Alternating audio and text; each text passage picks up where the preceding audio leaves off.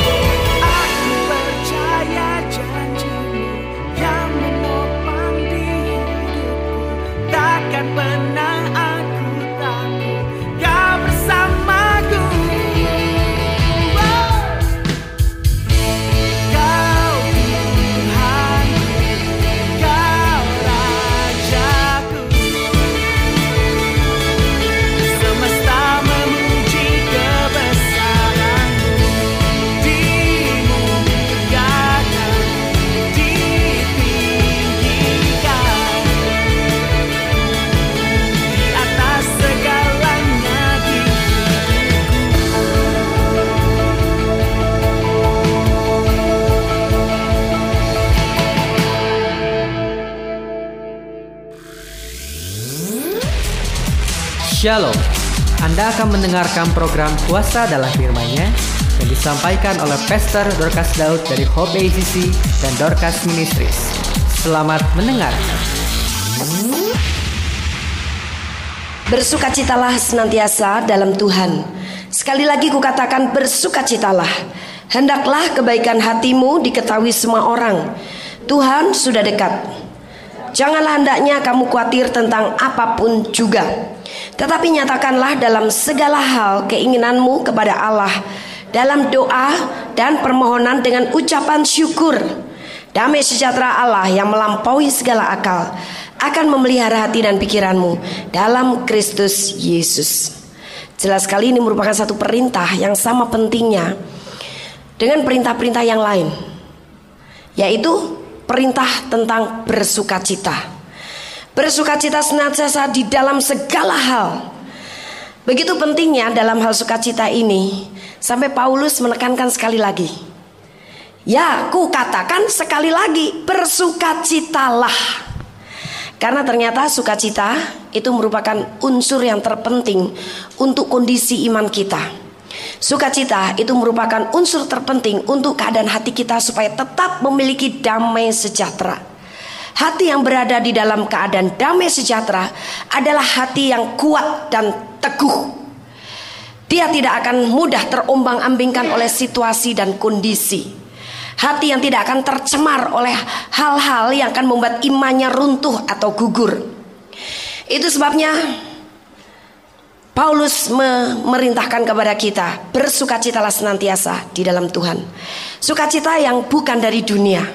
Sebab sukacita dari dunia itu tidak kekal. Sukacita dari dunia karena ada penyebab kita bersukacita sehingga kita bisa bersukacita. Karena pekerjaan kita berhasil, karena bisnis kita diberkati, karena kita sudah punya rumah, karena kita disenangi banyak orang dan sebagainya, karena anak kita berhasil, akhirnya kita bersuka cita. Itu dari dunia. Tapi tatkala penyebab sukacita itu tiba-tiba bergeser dari hadapan kita, sukacitanya jadi hilang. Karena sukacita itu bukan memancar dari roh yang kekal. Itu sebabnya dengan jelas sekali Paulus menyatakan bersukacita di dalam Tuhan. Artinya sukacita yang bukan karena sebab sesuatu Sukacita yang memang memancar dan mengalir karena kita mau bersukacita Sebenarnya roh sukacita sudah ditaruh di dalam hati kita Sejak kita dilahirkan baru Seluruh kepribadian dan segala apa yang ada di dalam roh kudus Itu ada di dalam kita termasuk sukacita tapi banyak di antara kita tidak mau untuk memancarkan sukacita yang dari dalam kita. Kita lebih senang untuk kompromi dengan kesedihan. Kita lebih senang untuk menikmati kekecewaan, kepahitan, tekanan-tekanan tertentu, stres, frustrasi, keputusasaan, dan sebagainya. Padahal hal seperti itu bukan dari kerajaan Allah. Dengan jelas firman Allah mengatakan bahwa kerajaan Allah itu adalah damai sejahtera, sukacita dari Roh Kudus. Jadi yang bukan damai sejahtera, bukan sukacita, itu bukan dari kerajaan Allah. Dengan kata lain, kalau Anda dalam keadaan kondisi yang tidak damai sejahtera dan sukacita, berarti Anda baru keluar dari hal kerajaan Allah. Anda baru lompat dari pagernya Allah. Sehingga kondisi hati Anda adalah kondisi hati yang tertekan, kecewa, marah, geram, putus asa, patah semangat, dan sebagainya. Jadi, sukacita itu dibutuhkan oleh setiap orang percaya. Dan Allah tahu bahwa sukacita tidak bisa kita buat-buat. Sukacita tidak bisa kita usahakan sendiri. Allah sudah berbaik hati, menolong kita memberikan roh sukacitanya melalui Roh Kudus. Tapi kita berusaha untuk membungkam dan menekan roh kudus di dalam kita. Sehingga kita tidak bisa bersuka cita. Akibatnya ketika kita tidak bersuka cita, kita banyak mengalami kegagalan di dalam hidup. Kita banyak mengalami kepahitan di dalam hidup kita. Kita kemudian tidak punya pengharapan untuk kehidupan kita. Kita tidak berani untuk memandang masa depan di hadapan kita. Karena hati yang tidak bersuka cita itu memadamkan api Hati yang tidak bersuka cita itu membunuh iman kita kepada Yesus. Mungkin hati yang tidak bersuka cita bisa membunuh iman kita bukan berarti kemudian kita tidak lagi datang ke gereja setiap hari Minggu walaupun bisa menuju ke sana. Tapi kepercayaan kita kepada Tuhan Yesus dan janji firman Allah menjadi pudar. Kita menjadi jenuh dengan firman Allah. Kita jenuh dengan janji firmannya. Ya saya tahu janji firman Tuhan berkata seperti itu. Tapi kan kenyataannya hidupku tetap seperti ini. Tapi buktinya semua orang juga tahu bahwa saya ternyata masih hidup berkekurangan, bahwa saya masih sakit-sakitan, bahwa anak saya masih begini, bahwa suami saya masih begitu. Jadi apalagi yang bisa saya harapkan? Saudara, ini adalah perbuatan daripada roh yang tidak mau bersuka cita, membunuh iman. Jangan iman itu modal utama kita sebagai orang Kristen. Firman Allah dengan jelas mengatakan orang benar akan hidup karena iman. Jadi kalau Anda merasa dirinya orang benar, menjadi orang benar karena dibenarkan oleh Yesus Kristus, bukan menjadi orang benar hasil kekuatan dan perbuatan kita sendiri. Tapi karena kita bertobat kepada Tuhan Yesus, Anda yang normal harus hidup dalam iman. Untuk hal apa? Untuk segala hal. Kita harus mulai hidup di dalam iman. Nah, kita menjadi tidak bersuka cita karena ada dua beban. Yang pertama itu adalah beban dosa. Dan yang kedua itu adalah beban kekhawatiran. Beban dosa itu belum tentu dosa berjinah, dosa membunuh, dosa mencuri. Tapi putus asa, frustrasi, kehilangan semangat, ragu-ragu, bimbang itu juga dosa. Dan setiap dosa itu menaruh beban menjadi kuk di atas pundak kita. Jadi, sekarang kita tidak berpikir tentang dosa yang besar-besar dan terlihat mata. Orang Kristen saya percaya sudah jauh sekali dari dosa-dosa seperti itu. Tapi sekarang dosa-dosa yang tersembunyi yang ada di dalam perasaan kita, termasuk putus asa, kekhawatiran, ketakutan, dan sebagainya. Itu adalah beban dosa yang bisa menjadi penyebab kita tidak mampu bersuka cita. Dalam Mazmur 37 ayat yang keempat dikatakan. Dan bergembiralah karena Tuhan, maka ia akan memberikan kepadamu apa yang diinginkan hatimu. Jadi kapan Anda bisa mengalami yang diinginkan hatimu terjadi dalam hidupmu dari Tuhan? Kalau engkau bergembira karena Tuhan. Dan alasan untuk bergembira karena Tuhan terlalu banyak. Karena Allah itu menyertai kita dengan kasih setianya yang tidak ada habis-habisnya. Karena karena banyak orang kesen yang pikirannya dan matanya tertutup oleh hal-hal yang negatif. Kalau perkara-perkara negatif begitu cepat menguasai alam pikiran kita. Begitu cepat menutup mata roh kita sehingga kita tidak mampu melihat kebaikan Allah. Padahal dari hari ke hari kalau tanpa kebaikan Allah, kita tidak bisa berada dalam keadaan kondisi dan situasi seperti ini. Ada berpikir kebaikan Allah. Kalau Anda sudah bisa menyaingi seorang konglomerat yang hebat, apakah itu yang dinamakan kebaikan? Tidak. Kebaikan daripada Allah itu menyeluruh, menyangkut tentang kehidupan kita, bukan hanya segi materi. Kebaikan Allah dalam segi materi itu adalah nomor yang kesekian. Tapi bahwa kita sekarang bisa menikmati ibadah dengan Tuhan dengan indah luar biasa tanpa diganggu ini dan itu. Kita bisa mendengar firman Allah, kita bisa punya kesempatan bersekutu dengan rekan-rekan seiman yang lain. Dalam situasi yang tenang seperti ini itu adalah satu kebaikan Tuhan. Tapi hal-hal seperti ini tidak pernah lagi Anda renungkan. Sehingga Anda pikir, ya ini biasa toh. Jadi karena Anda berpikir ini adalah hal biasa, Anda tidak pernah mensyukuri. Anda tak pernah menyadari bahwa hal seperti ini adalah kebaikan Tuhan. Coba kalau Anda berada dalam satu lingkungan yang sama sekali tidak memberi kesempatan kepada Anda untuk bisa beribadah sesuai dengan iman Anda, kepercayaan Anda. Itu lebih tragis lagi. Atau engkau berada dalam masyarakat yang tidak suka dengan Tuhan. Sangat Anda seorang diri yang merasa butuh Tuhan. Aku butuh siraman air yang hidup. Aku butuh firman Allah. Aku butuh beribadah dengan Tuhan. Aku butuh berdoa dengan Tuhan. Aku butuh mengenal Tuhan dengan baik. Tapi lingkungan tidak menunjang Anda karena semuanya adalah orang-orang duniawi. Itu adalah sesuatu yang sangat menyedihkan. Nah, kita berpikir ke sana. Saya melihat kondisi orang-orang di Belanda sana sangat menyedihkan.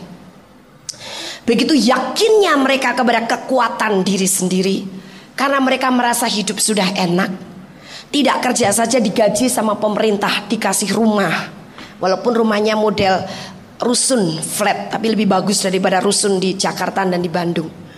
Tiap bulan mereka dapat tunjangan dari pemerintah jadi dengan uang itu mereka bisa menghidupi diri sendiri dalam kurun waktu satu bulan masih bisa menabung buat nanti kalau musim lagi nggak bagus musim dingin mereka bisa berlibur di negara lain mereka bisa mencari cuaca yang lebih bagus dari negaranya sendiri menikmati jadi turis masih bisa seperti itu nah kondisi itu yang membuat orang-orang Belanda di sana tidak terlalu haus Tuhan.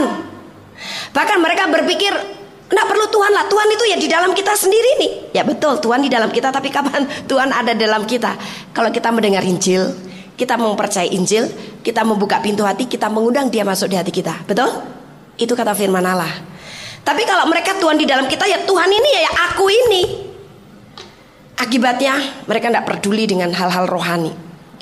Dan perkara dosa itu sudah tidak lagi menjadi satu hal yang menakutkan atau satu hal yang mengerikan. Ibu-ibu dari pulang kerja sampai dengan jam 12 malam, kadang-kadang jam 1 pagi, pergi ke kasino sampai menghabiskan ribuan euro kadang-kadang. Kalau nggak ratusan ribuan euro berjudi itu sudah biasa saja. Suami tahu, yes oke, okay, nama masalah. Saya juga pergi ke kasino, walaupun dalam kasino yang berbeda anak muda, laki-laki, perempuan melakukan hubungan seperti suami istri, ya itu sudah biasa. Karena seks itu untuk dinikmati. Seks itu kebutuhan jasmani, kebutuhan daging. Mereka tidak mengerti akan kebutuhan roh. Karena bagi mereka, roh mereka sudah lama dipadamkan. Adalah dulu orang-orang petani buangan. Buangan dari bangsa Eropa beda dengan orang Inggris.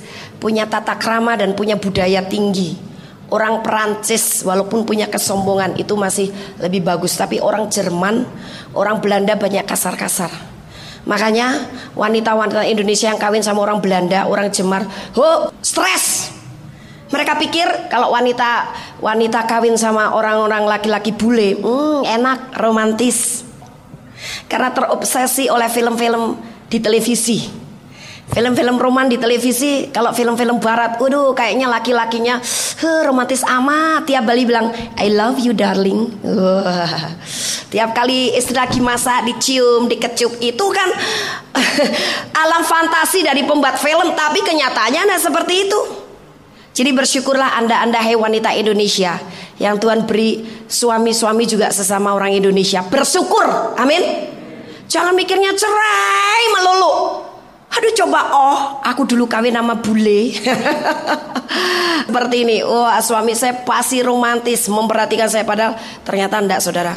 Banyak wanita Indonesia kawin sama laki-laki bule pada stres. Karena ada orang-orang Belanda yang gila kerja. Karena dulu mereka hidup Dalam keadaan menderita jadi kerja kerja kerja kerja Nggak ada waktu buat istri dan anak Memang dalam satu minggu dijadwal Hari Sabtu waktu buat anak-anak, tapi tiap waktu buat keluarga. Tapi tiap harinya sudah tidak ada waktu lagi buat mereka. Tapi ada juga bukan karena gila kerja, tapi karena yes, kamu kamu saya saya gitu loh. Dan mereka dididik dalam kemandirian. Kalau perempuan bule kawin sama laki-laki bule, perempuan Belanda kawin sama laki-laki Belanda, tidak masalah karena perempuan Belanda wanita mandiri. Mereka bukan wanita manja yang butuh kasih sayang diperhatikan oleh laki-laki. Bagi mereka emansipasi perempuan dan laki-laki itu sama. Di Indonesia diperjuangkan begitu tapi tetap saja tidak bisa menembus karena perasaan wanita Asia itu jauh lebih halus daripada perasaan wanita Barat. Sehingga banyak wanita Asia itu manja haus, damba, kasih sayang, kasih sayang dari laki-laki, perhatian, pujian, pertolongan dan sebagainya. Tapi kalau wanita bule, terutama Belanda tidak. Sehingga kalau dia kawin sama-sama orang-orang laki-laki bule ya nggak masalah. Itu memang sudah biasa bagi mereka. Jadi oke, okay, sekarang kamu masih mau cinta sama saya, kita bersama hidup. Tapi kalau sudah nggak cinta, nggak mau perhatian, oke, okay, kita pisah, pisah. Nanti ketemu lagi yang kayaknya mem cinta memperhatikan kumpul bareng. Tidak lagi saling menyukai pisah itu sudah biasa. Tapi kalau wanita Indonesia itu bukan sesuatu yang biasa. Nah daerah ketika saya di sana waduh tiap hari saya jadi tempolong. Dengerin isi hatinya ibu-ibu yang penuh dengan stres penuh dengan kekhawatiran hidupnya tidak ada sukacita yang terpancar dari wajahnya sehingga mau tidak mau saya harus menyediakan diri jadi tempolong ini ibu-ibu Indonesia terutama yang suami-suaminya bule ya. Dari pagi sampai malam, pagi sampai malam, saya hanya merenung, waduh betapa penuhnya ini tempolong mereka. Bayangkan berapa puluh tahun mereka jadi istri orang-orang bule, nggak ada tempat mengadu, nggak ada tempat dia dia share, dia ada tempat uh, untuk minta nasihat, minta pendapat, apalagi didoakan, dilayani. Nggak ada. Mereka betul-betul merasa tertekan Sampai akhirnya mereka berusaha menyelesaikan diri tapi hati nurani mereka itu tidak bisa mendustai, tidak bisa menipu. Mereka ikut-ikutan pergi ke kasino walaupun perempuan. Tapi sepulang dari kasino nangis. Kok saya jadi seperti ini dulu saya tuh wanita baik-baik. Nah banyak yang menyesal tapi apa boleh buat. Nasi sudah menjadi bubur. Kalau baru nasi setengah matang bisa ditanak lagi jadi matang. Tapi nasi sudah menjadi bubur, bubur tidak bisa lagi dikembalikan jadi nasi. Tapi puji Tuhan, ada seorang yang bernama Ibu Dorcas Daud. Dalam kesibukannya mau datang ke sana untuk jadi tempolong dengerin keluh kesah mereka. Dan saya percaya nanti ada banyak ibu, bapak, bapak dari gereja-gereja yang kembali menginjil ke Eropa. Dulu orang Eropa yang jadi misionaris nginjilin orang Indonesia, tapi bakal orang Indonesia atau orang Asia yang jadi penginjil ke Eropa. Amin. Siap-siap aja. Betul-betul mereka sedih berada di lingkungan seperti itu. Ngomong sama siapa saja tidak ada yang peduli. Apalagi minta nasihat, apalagi kemudian diberi firman Tuhan yang menyejukkan hati, menenangkan hati. Mana ada orang boleh mengenal firman? Tahu Yesus, tapi mereka tidak mengenal Yesus. Itu sebabnya mereka bergantung kepada otak mereka, pikiran mereka. Dan Injil susah masuk ke kepada mereka kecuali kita mampu menerangkan dengan jelas dan setiap pertanyaan mereka kita bisa jawab. Baru mereka percaya. Oh betul. Kalau begitu Yesus memang ada, Yesus memang Tuhan dan kamu bisa dipercaya. Jadi kita harus bergantung kepada Roh Kudus supaya setiap pertanyaan mereka kita dengan tepat bisa menjawab dan mereka mengerti, akhirnya mereka akan yakin bertobat. Nah, puji Tuhan, saya hidup bergantung kepada Roh Kudus dan firman Allah. Jadi tiap kali mereka punya pertanyaan yang sebetulnya saya sendiri juga secara manusia tidak mengerti. Kadang-kadang saya belum punya pengalaman masalah seperti itu. Dan belum pernah mendengar pertanyaan seperti itu. Tapi Roh Kudus memberikan hikmat. Apa yang harus saya jawab? Dan akhirnya mereka bisa ditundukkan. Oh yes oke okay, kalau begitu saya bisa percaya. Yesus itu adalah Tuhan. Keteranganmu itu jelas Dulu saya hanya meraba-raba dan saya hanya dengar dari sejarah kakek moyang, nenek moyang kami itu orang Kristen. Tapi kekristenan yang sesungguhnya itu harus seperti apa? Tidak masuk tidak masuk di otak, tidak masuk di akal kami. Nah, itulah mereka. Tidak heran kalau wanita-wanita Indonesia di sana yang betul-betul membutuhkan Tuhan, merasa kekeringan dan gersang. Sehingga mereka cari pelarian dengan cara-cara daging menyedihkan sekali. Mereka tahu bahwa Tuhan itu baik, tapi kenyataan kondisi mereka seperti itu. Nah, kita bersyukur di tempat ini, di sini, di Indonesia, kita masih ketemu orang-orang yang betul-betul haus dan rindu kepada Tuhan. Kita diberi hal-hal yang luar biasa dari Tuhan dan Tuhan begitu royal kepada kita. Dia memanjakan kita. Begitu banyak dan begitu dahsyat kuasa Roh Kudus dicurahkan dan bekerja di antara kita untuk memimpin kita memasuki kebenaran demi kebenaran. Hati kita dipuaskan oleh Dia. Itu sebabnya pakai kesempatan ini sebaik-baiknya. Kalau kau sudah bertobat lahir baru, kepada Tuhan Yesus Kristus serius di dalam belajar kepada Dia. Ada waktunya nanti mungkin kondisi Indonesia seperti Belanda. Kita mau berteriak, berteriak ke mana? Orang-orang Indonesia di Belanda mau teriak-teriak ke mana? Gereja sudah habis. Saya sangat sedih ketika melihat gedung-gedung gereja di sana. Sudah pada dipakai pameran. Padahal gedung gereja di sana bangunannya bagus-bagus. Ada dipakai bisnis, menyedihkan sekali. Itu sebabnya ketika di Antwerpen saya lihat ada gedung gereja bagus. Saya tunjuk gedung gereja itu. Tuhan saya minta yang ini. Saya akan pakai gedung ini kalau kau berikan kepada saya untuk menyalakan apimu dan untuk menyalakan terang di dalam kami dan memenangkan banyak jiwa. Terima kasih Tuhan Yesus saya klaim saya pasti terima tempat ini. Saya percaya itu. Karena apa? Saya punya iman kepada dia. Dan orang yang saya percayai, pribadi yang saya percaya bukan pribadi biasa. Memang tanda-tanda untuk dapat tempat sudah mulai nampak. Yaitu ketika saya melayani uh, satu keluarga. Suaminya ini pengusaha furniture, orang Belanda. Istrinya orang Indonesia. Jadi ketika mereka sudah uh, suaminya punya sakit liver. Walaupun masih bisa jalan, masih bisa kerja ngurus perusahaannya karena kecanggihan medis dari orang-orang Belanda sana Orang cuci darah juga bisa cuci darah sendiri sambil kerja sambil masak. Kalau ginjalnya rusak itu udah biasa. Jadi orang kanker bisa di uh, bisa melakukan kemoterapi sendiri sambil kerja sambil drive mobil. Itu orang di sana. Tapi tetap tidak bisa mengatasi kondisi seseorang. Ya itu hanya mengulur-ulur waktu kematian, tapi tetap penyakitnya nggak hilang. Hanya untuk mengatasi rasa sakit.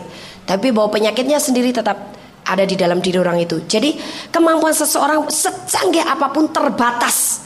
Hanya kemampuan Yesus dalam kuasa Roh Kudusnya melalui iman kita itu yang tanpa batas. Dokter-dokter Belanda bisa melakukan itu tapi dia tak mampu menyembuhkan ginjal orang itu. Dokter-dokter di sana bisa me, apa, melakukan kemoterapi melalui melalui alat-alat yang diberikan kepada pasiennya namun tak menyembuhkan pasiennya. Tapi kita masih punya alat yang lebih canggih yaitu kuasa Roh Kudus dengan karunia-karunianya. Itu lebih canggih daripada alat-alat dokter mana pun. Kita bersyukur kita mengalami di sini. Jadi orang-orang Belanda itu bergantung kepada alat-alat pikiran manusia. Bergantung kepada dunia, kepada materi, benda-benda. Dan firman Allah dengan jelas barang siapa mengandalkan manusia dan mengandalkan kekuatan diri sendiri, terkutuklah. Tapi diberkatilah orang yang mengandalkan Tuhan. Nah bersyukur lagi. Itu juga kebaikan Tuhan. Di sana tidak mengenal hal seperti itu.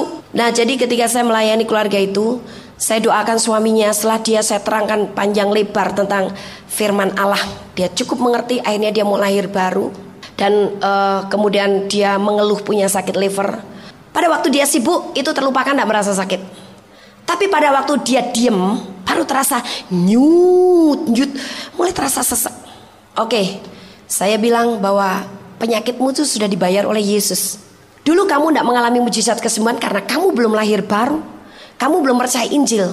Tapi sekarang setelah kamu dengar Injil yang saya sampaikan dan kamu mempercayainya, Yesus ada dalam hatimu. Sekarang imanmu pada Yesus itu bisa menyembuhkan kamu total. Akhirnya dia mengerti.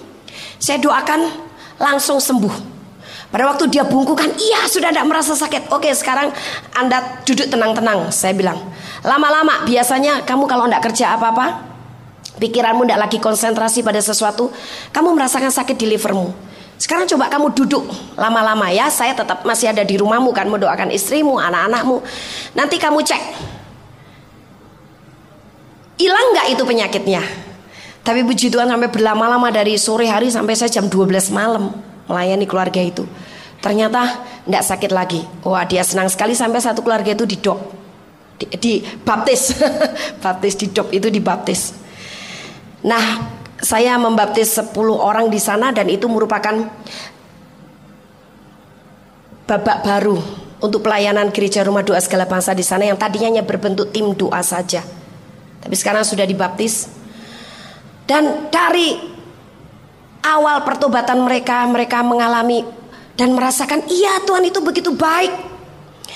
Tuhan itu begitu mengasihi kita. Kenapa selama ini kita-kita ini terlena untuk hal-hal daging dan duniawi sampai rasanya tidak butuh Tuhan. Tapi ketika si bule itu sakit ternyata butuh Tuhan juga. Dokter ternyata tidak bisa menjamin kesembuhannya. Itu makin membuat mereka cinta kepada Tuhan. Sampai akhirnya mereka bilang, oke okay, kamu terusin deh pelayanan seperti ini. Kita butuh gereja-gereja yang model begini. CS-nya sebenarnya lebih uh, haus dengan Tuhan karena dari Indonesia sebenarnya dia berlatar belakang Kristen. Tapi ketika sudah menikah dengan orang bule itu sirna. Lebih terpengaruh oleh budaya Belanda daripada budaya rohani. Tapi hati kecilnya tiap kali saya mau berdoa lagi seperti dulu sampai saya bisa merasakan kasih Tuhan. Saya mau lagi baca Alkitab. Tapi begitu banyak penghalang membuat dia tidak bisa melakukan hal seperti itu. Jadi hidup secara duniawi, secara duniawi, secara duniawi, secara duniawi. Tapi akhirnya mereka mengalami kegersangan. Dan ketika mereka terus minta, ayo dong buka kebaktian hari Minggu, saya bilang, oke okay, kami sih siap-siap saja, tapi nggak mungkin dong kebaktian di rumah seperti ini yang kalian-kalian lakukan uh, hanya jadi tim doa berdoa di rumah nggak bisa. Kita harus cari tempat. Oke okay, oke, okay, nanti saya yang cari tempat. Nah, saya tidak cerita kepada ibu ini bahwa saya sudah minta satu tempat, tapi tiba-tiba ibu ini berkata, oke okay, saya mau cari tempat berarti dia digerakkan roh kudus. Bukankah itu satu hal menjadi bukti bahwa Tuhan sudah memberikan apa yang saya minta. Amin. Karena apa? Saya tidak bimbang, saya tidak ragu-ragu, saya dalam kondisi hati yang bersuka cita. Saya dalam kondisi hati yang tidak khawatir, saya dalam kondisi hati yang bergembira, maka Tuhan pasti memberikan apa yang diinginkan oleh hati saya. Asal yang saya inginkan itu bukan untuk kepuasan saya sendiri, Oh Tuhan memberikan dengan senang hati Bahkan dia lebih royal daripada kita yang royal mana pun. Itulah karakteristik Tuhan kita yang begitu penuh dengan kebaikan. Makanya sebenarnya tidak ada alasan untuk kita tidak bergembira di dalam Tuhan Halo baik-baik pikiran-pikiran mulai menuduh Anda dan mulai bercerita dengan segala ide mereka dari setan-setan tentang ah Tuhan sudah melupakan kamu. Ya Tuhan banyak kerjaannya urusannya banyak tuh di pojok sana dan teriak-teriak minta pertolongan Tuhan. Di rumah sakit berapa orang teriak-teriak minta disembuhkan jadi sama kamu lupa. Ya memang Tuhan ada Tapi kalau kamu belum berjuang keras Sampai mati-matian Mana bisa kamu mendapatkan semua yang kamu ingini itu kan orang dunia masih hidup dalam kutuk. Tapi orang benar hanya akan hidup karena iman. Percaya Tuhan kita tidak pernah lalai. Nah, jadi bergembira di dalam Tuhan karena Dia akan memberikan apa yang diinginkan hatimu. Bebaskan dirimu dari segala beban, beban-beban dosa yang akan menghalangi engkau, yang akan men mengurangi imanmu, yang akan membuat engkau tidak bersuka cita, termasuk beban kekhawatiran. Beban kekhawatiran itu musuh yang utama bagi imanmu. Musuh utama bagi perjalanan kekristenan kita. Orang Kristen sering dikotbahin tentang khawatir-khawatir tapi tetap saja orang Kristen senang hidup di dalam kekhawatiran. Saya punya seorang jemaat kaum wanita dari Bogor. Nah, tapi begitu seringnya dia telepon sana, telepon sini, minta didoakan sana, minta didoakan sini. Masalah ini, masalah itu dan semua rangkuman dari Kisah dia untuk minta didoakan ini dan doakan itu berawal dari mana kekhawatiran. Masalah suaminya belum bertobat khawatir. Bu, nanti kalau suami saya belum bertobat, nanti dia kecantol sama cewek lain. Masalah anaknya sakit panas khawatir. Telepon sana, telepon sini. Anak saya panas bu, begini-begini. Sampai paling akhir dia lagi hamil. Sebenarnya dia mengalami mujizat. Keguguran, keguguran, keguguran. Bayinya diperiksakan ke dokter kandungan dokter kandungan bilang bahwa waduh detak jantung bayimu udah nggak ada dia harus dikiret nah ibu ini juga punya kasus yang sama dia hamil usia ya dua bulan karena dia dulu pernah mengalami keguguran pada waktu belum lahir baru sungguh-sungguh dalam Tuhan. Jadi dia mengalami trauma. Waduh, jangan-jangan ini keguguran. Dia khawatir terus trauma, trauma. Waduh, jangan-jangan ini keguguran lagi, keguguran lagi. Sudah didoakan sana sini, paling akhir saya doakan. Oke, kamu nggak usah trauma, nggak usah khawatir. Kamu sudah minta, Tuhan sudah beri. Kamu minta anak, Tuhan sudah kasih anak. Amin bu, saya doakan melalui telepon. Saya tengking mengalami pelepasan. Sampai akhirnya dia bebas merdeka dan pendarahannya berhenti. Dokternya juga sudah bilang, aduh kamu sudah dikirat deh. Kamu ini mengandung bangke nih. Bayimu mati pada waktu mengalami pendarahannya. Tapi pada waktu saya sudah layani melalui telepon, saya lepaskan dari kekhawatiran trauma, dulu mengalami keguguran dan sebagainya. Itu saya tengking keluar, pendarahan berhenti. Nah, kemarin kebaktian wanita yang paling akhir, dia dengan ketawa-ketawa begitu, "Ibu, lucu sekali. Ternyata bayinya hidup lagi. Tapi saya sanksi nih, ini bikinan baru atau bayi yang lama?" katanya. Dokternya juga geleng-geleng kepala ini bayi bikinan baru atau yang lama. Tapi kalau bikinan baru rasanya nggak mungkin ya baru dua minggu yang lalu tuh bu katanya. Dan ini kira-kira sudah hampir tiga bulan. Ya itu bayi yang lama. Saya bilang oh iya ya aduh puji Tuhan aduh si ibu Tuhan teh luar biasa bager bager ke saya teh katanya. Nah sekarang sudah tahu Tuhan bager saya bilang jangan mau dikuasai kekhawatiran lagi. Jaga baik-baik bayimu oke? Okay? Ya bu oh dia udah suka cita. Hei Kemarin kalau nggak salah ya, dia telepon lagi. Aduh dong bu, saya mesti gimana coba? Gimana coba? Ada flek-flek coklat. Saya bilang flek-flek coklat enggak apa-apa itu daki. Saya bilang. ibu gimana sih? Iya ibu yang nggak mengandung tenang-tenang. Saya bilang, eh bukannya saya masalahnya tidak mengandung tenang-tenang. Saya punya iman bahwa bayimu itu sudah hidup lagi karena Yesus saja hidup di dalam dirimu. Tahu nggak? Ya tapi harus harus gimana bu? Stop berhenti jangan menangis. Oh kalau saya galak saudara sama orang yang imannya manja saya galak. Kenapa? Karena iman yang manja tidak akan menyelesaikan masalah apa-apa. Amin. Kita harus belajar menjadi orang ke sana punya iman yang dewasa dan matang. Saya bilang oke okay, kamu mau menangis berjam-jam. Saya tunggu. Tapi apakah kamu menyelesaikan masalahmu? Saya bilang. Sekarang dia stop berhenti jangan menangis. Oh ya, langsung dia tenang. Iya bu, ya bu, ya bu. Oke, doa sama saya.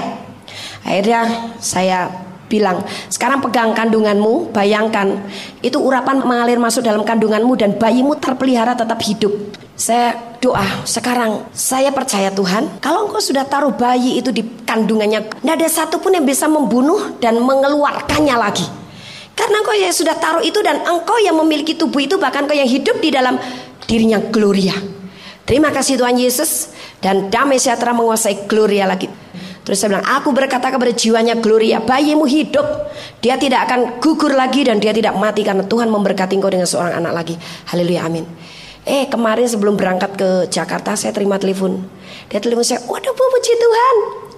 Tadi malam saya periksa ke dokter, dokternya bilang, "Oh, bayimu sehat, hidup." Katanya, "Kamu kenapa mesti periksa ke sini?" "Iya, Dok, saya kemarin lihat kok di celana saya ada flek-flek coklat." Oh, enggak apa-apa. Iya, betul pendeta saya juga bilang, "Enggak apa-apa itu daki," katanya. Padahal sebenarnya enggak ada masalah, tapi seseorang bisa menjadi rumit dan stres, ketakutan begitu rupa karena apa? Masalah itu ditunggangi oleh kekhawatiran. Nah, Saudara, Orang Kristen bebas dari kekhawatiran orang Kristen yang paling bahagia. Amin. Karena imanmu akan terus kuat untuk menerima setiap penggenapan dari janji firman Allah. Sekalipun apa yang kau alami, apa yang kau lihat, apa yang engkau dengar, itu kelihatannya kondisinya minus. Duit pas-pasan, perut masih kembung, mobil keluar masuk bengkel harus keluar duit banyak Kelihatannya kondisinya nah, ada alasan untuk saya bersuka cita. Perlu khawatir, perlu khawatir. Iya, itu kata siapa? Kata jiwa yang sudah diracuni oleh omongan setan dan iblis.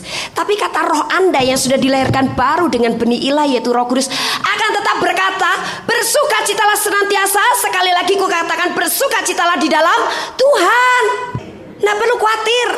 Bergembira di dalam Tuhan karena dia akan memberikan apa yang diinginkan hatimu. Mobil yang pengekan engkau pengen diganti oleh Tuhan mobil yang baru supaya kalau engkau pelayanan, engkau pergi ke gereja tidak masalah.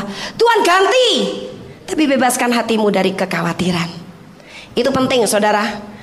Berkali-kali kami mengkhotbahkan kekhawatiran, tapi tetap saja orang kesen paling senang dilanda oleh kekhawatiran. Nah, jadi ini harus dibereskan sehingga ada sukacita. Karena sukacita itu adalah perintah Tuhan. Dan Allah selalu memerintahkan apa saja yang dapat kita lakukan sebab dia sudah menolong dengan kita roh penolong, memberi roh penolong yaitu roh kudus.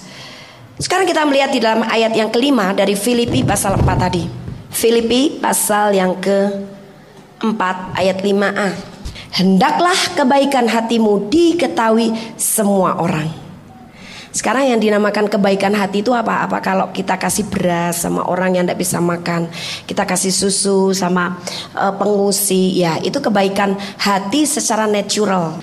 Itu bisa dilakukan juga oleh departemen sosial dan orang-orang yang tidak mengenal Yesus bisa. Tapi sekarang kebaikan hati dalam arti rohani yang artinya kebaikan hati ini adalah adil atau seimbang, tidak berat sebelah tidak condong ke kiri dan tidak condong ke kanan. Juga tidak berkelebihan, tidak berkekurangan. Ini berbicara mengenai apa? Mengenai hati kita. Hati kita yang dalam keadaan seimbang dan stabil. Dan hati yang dalam keadaan seimbang dan stabil adalah hati yang di dalam sukacita dan damai sejahtera. Orang dalam keadaan sedih, tertekan, kecewa, khawatir, takut ya. Takut ini takut itu khawatir ini khawatir itu. Putus asa dan sebagainya marah jengkel dendam. Itu hatinya dalam keadaan tidak seimbang. Orang lain juga bisa melihat ini orang lagi dongkol nih. Oh ini orang lagi jengkel nih. Oh orang ini lagi cemburu nih. Oh orang ini lagi marah. Oh orang ini lagi khawatir. Oh orang ini lagi sedih. Orang bisa melihat. Nah kebaikan hati kita juga bisa dilihat orang lain Damai sejahtera sukacita yang ada dalam diri kita itu bisa dilihat dan dirasakan oleh orang lain. Hatimu dalam keadaan seimbang. Iya, itu yang Tuhan ingin. Kalau engkau sedih, hatimu sedang berat sebelah. Engkau lebih menikmati dan merasakan kesedihan itu daripada kebaikan Tuhan, daripada sukacita yang diberikan oleh Tuhan. Tuhan ingin hati kita terus tetap dalam keadaan seimbang seperti itu supaya apa? Iman kita juga konsisten. Iman kita tetap kekal tidak sebentar naik, tidak sebentar turun. Tidak sebentar bergeser ke kiri, tidak sebentar bergeser ke kanan. Sebab iman Anda dan saya kepada Yesus adalah iman yang sangat sempurna dan lengkap. Satu Yohanes pasal 5 ayat yang ke 5. Siapakah yang mengalahkan dunia selain daripada dia yang percaya bahwa Yesus adalah anak Allah. Jadi hanya iman saudara Iman siapa? Iman saudara dan saya sanggup mengalahkan dunia dan dunia ini mas uh, isinya hanya masalah tok. Dunia ini penuh dengan masalah, tapi iman kita kepada Yesus mengatasi bahkan mengalahkan masalah yang ada di dunia. Berarti kedudukan kita jauh lebih tinggi daripada dunia. Masalah itu ada di bawah kaki kita. Tapi banyak orang Kristen senang menyimpan masalah di otaknya. Tapi kita tampung masalah itu dengan iman kita dan iman itu kepada Yesus, maka imanmu akan mengatasi dan menyelesaikan semua masalahmu. Jadi jangan biarkan hatimu condong ke kanan dan ke kiri karena oh kata orang begini, tapi kan kenyataannya begitu itu hatimu tidak seimbang. Itu hatimu tidak sedang di dalam hati yang baik. Allah ingin hati kita seimbang, hati kita baik. Bebas dari kekhawatiran, bebas dari ketakutan, bebas dari tekanan dan bebas dari perasaan-perasaan negatif yang lain. Filipi pasal yang ke 4 ayat 5b. Tuhan sudah dekat. Sekarang Tuhan sudah dekat ini bukan menyatakan saja bahwa waktu Tuhan datang kedua kalinya sudah sangat dekat. Bukan hanya itu saja, itu memang. Tapi di sini Tuhan sudah dekat dalam arti jarak. Kenapa dikatakan oleh Paulus dalam suratnya kepada jemaat Filipi Tuhan itu sudah dekat. Karena memang dekat dia ada di hati kita. Dia tidak jauh-jauh dari kita. Makanya orang Kristen kalau berdoa sama Tuhan tidak perlu berteriak. Karena Tuhan sudah dekat di sini. Apa yang saya omong Tuhan dengar. Tuhan tahu dan Tuhan menjawab dan Tuhan mendengar. Orang yang hatinya dalam keadaan tidak seimbang. Karena ada kekhawatiran ketakutan kecemasan.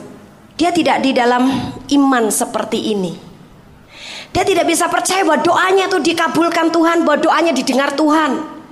Sampai dia harus berdoa, berulang-ulang berdoa, berulang-ulang sampai doa tidak pengen nangis ditangis-tangisin. Dia pikir kalau doa orang kesen sambil menangis, Tuhan kemudian tergeraklah oleh belas kasihan. Padahal doa yang berkuasa adalah doa dari iman dan iman itu ada. Kalau hati kita dalam keadaan seimbang. Dalam keadaan adil, tidak ada kekhawatiran, tidak ada ketakutan. Bahkan kalau perlu melakukan doa profetik. Ada ingat bagaimana Lazarus mengalami mujizat kesembuhan? Yesus tidak berdoa bertele-tele, ya Bapa yang aku kenal di dalam namaku sendiri. kalau orang Kristen bilang, ya Bapa yang ku kenal di dalam nama putranya yang tunggal Yesus Kristus. Kalau Yesus kali doanya kalau model Anda bilang, yang aku kenal di dalam namaku sendiri. Tuhan tidak perlu bertele-tele begitu. Langsung dia bilang, Lazarus keluar. Itu doa profetik. Karena apa? Yesus punya iman yang sempurna kepada Bapaknya. Dari sebelum doa ini dia mengawali dengan perkataan, "Ya Bapa, aku percaya Engkau selalu mendengarkan aku dan telah mendengarkan aku. Tapi karena orang banyak ini supaya mereka percaya bahwa aku diutus oleh Engkau, aku perlu berdoa keras-keras begini." Tapi perhatikan awal daripada kalimat doa dia, "Aku percaya bahwa Engkau selalu mendengar doaku dan Engkau telah mendengar doaku." Inilah doa dari hati yang punya iman. Yesus hatinya selalu seimbang tidak pernah berat sebelah. Itu sebabnya dia selalu bersuka cita, bergembira di dalam roh. Dia punya iman yang luar biasa. Orang Kristen yang berani melakukan doa profetik adalah orang Kristen yang punya iman. Karena hatinya seimbang. Tidak ada kekhawatiran, tidak ada ketakutan, tidak ada kebimbangan. Ini kalau aku cuma doa pendek begini, Tuhan dengar nggak ya doaku ya? Tuhan kabulkan nggak ya doaku ya? Doa Yesus pendek sekali. Lazarus keluar, langsung mumi keluar dari Gua di sana itu kuburan itu bukan ditanam kayak di sini terus kasih batu nisan gitu bukan. Gua-gua. Langsung keluar dan langsung hidup-hidup terus bukan hanya mumi sebentar berjalan. Akhirnya roboh lagi mati. Sebab dia bukan jadi mumi yang berjalan, tapi betul-betul dia bangkit dari kematian seperti Yesus yang bangkit dari kematian. Amin. Padahal doa Yesus pendek, Lazarus keluar. Anda bisa berkata, hujan turun. Hujan turun. Itu doa profetik. Orang yang berani melakukan doa profetik menggambarkan dia punya iman yang teguh. Hatinya dalam keadaan seimbang. Anda bisa melakukan doa profetik apa saja. Tapi untuk kemuliaan nama Tuhan kalau engkau punya iman. Dan gampang, tidak usah bertele-tele doanya sampai berjam-jam hasilnya tidak ada. Air mata sampai habis, mata udah bengkak-bengkak. Tapi aduh gimana sih ini aku sudah nggak tahu lagi deh caranya berdoa. Karena apa? imanmu lagi goyah sebab hatimu tidak seimbang dibiarkan ada kekhawatiran, ketakutan, ketidaksenangan, apa kepahitan, kecil hati, putus asa dan sebagainya. Tuhan sudah dekat ada di sini, dia tahu, dia mendengar, dia mengabulkan untuk setiap doa-doa kita. Amin. Jadi kita tidak perlu khawatir sebab kekhawatiran itu bukan menjadi alasan untuk menumbuhkan iman kita, tapi justru kita punya musuh yang sangat besar kalau kita hidup di dalam kekhawatiran. Nah, bagaimana kita bisa bebas daripada kekhawatiran? Jawabannya di ayat berikutnya itu loh. Ayat yang ke-6. Janganlah hendaknya kamu khawatir tentang apa pun juga, tetapi nah, itu jawabannya di kalimat sesudah kata tetapi. Tetapi supaya kamu bebas dari khawatir, Nyatakanlah dalam segala hal keinginanmu kepada Allah dalam doa dan permohonan dengan ucapan syukur. Kembali lagi ngucap syukur, ngucap syukur. Sehari berapa banyak mulut Anda mengucap syukur kepada Tuhan untuk segala hal? Coba sekarang dalam hal biasakan ngucap syukur. Mobil diserempet orang, haleluya. Aku mengucap syukur Tuhan. Aku berkati orang nyerempet itu karena aku orang yang diberkati oleh Tuhan. Gak apa-apa. Enak aja Bu Daud mobil diserempet orang masuk bengkel itu ngetok, ngelas, apa ngecat berapa duit. Tapi ucap syukur aja lah supaya apa? Hatimu tidak jengkel, tidak marah. Dan ketika hatimu dalam keadaan seimbang, tidak jengkel, tidak marah, engkau punya iman, iman untuk diberkati Tuhan, punya uang membayar bengkel ataupun mungkin yang nyerempet itu walaupun Anda tidak tuntut, dia digerakkan oleh Tuhan untuk bayar semua biaya daripada mobilmu masuk ke bengkel. Engkau punya iman seperti itu. Amin. Tapi kalau engkau bersungguh-sungguh dulu, oh boro-boro engkau diberkati. Boro-boro engkau keluar dari masalahmu. Kalau engkau menghadapi masalah keuangan, jangan pernah khawatir. Ucapkan syukur. Ucapkan syukur, saya percaya, saya mengucap syukur karena Tuhan selalu berkati saya, saya tidak pernah berkekurangan. Maka duit akan jatuh dengan sendirinya dalam hidup Anda. Masa bu aja ada hujan duit ada walaupun melalui tangan orang lain gitu loh. Tapi saudara yang saya tekankan di sini adalah mengucap syukur ya. Dengan mengucap syukur itu menyatakan bahwa kita bebas dari kekhawatiran, ketakutan, kegelisahan. Kita punya iman dan iman itu yang bisa mengambil seluruh warisan yang disediakan oleh Allah Bapa untuk hidup kita. Amin. Haleluya. Kami percaya Anda pasti diberkati oleh firman Tuhan disampaikan oleh Pastor Dorcas Daud STH dari Hope ACC dan Dorcas Ministries. Dan bila Anda memiliki pertanyaan seputar kegiatan pelayanan kami, Anda dapat menghubungi kami di 08 222 703 0006. Sekali lagi di 08 222 703 0006. Sampai jumpa kembali. Tuhan Yesus memberkati.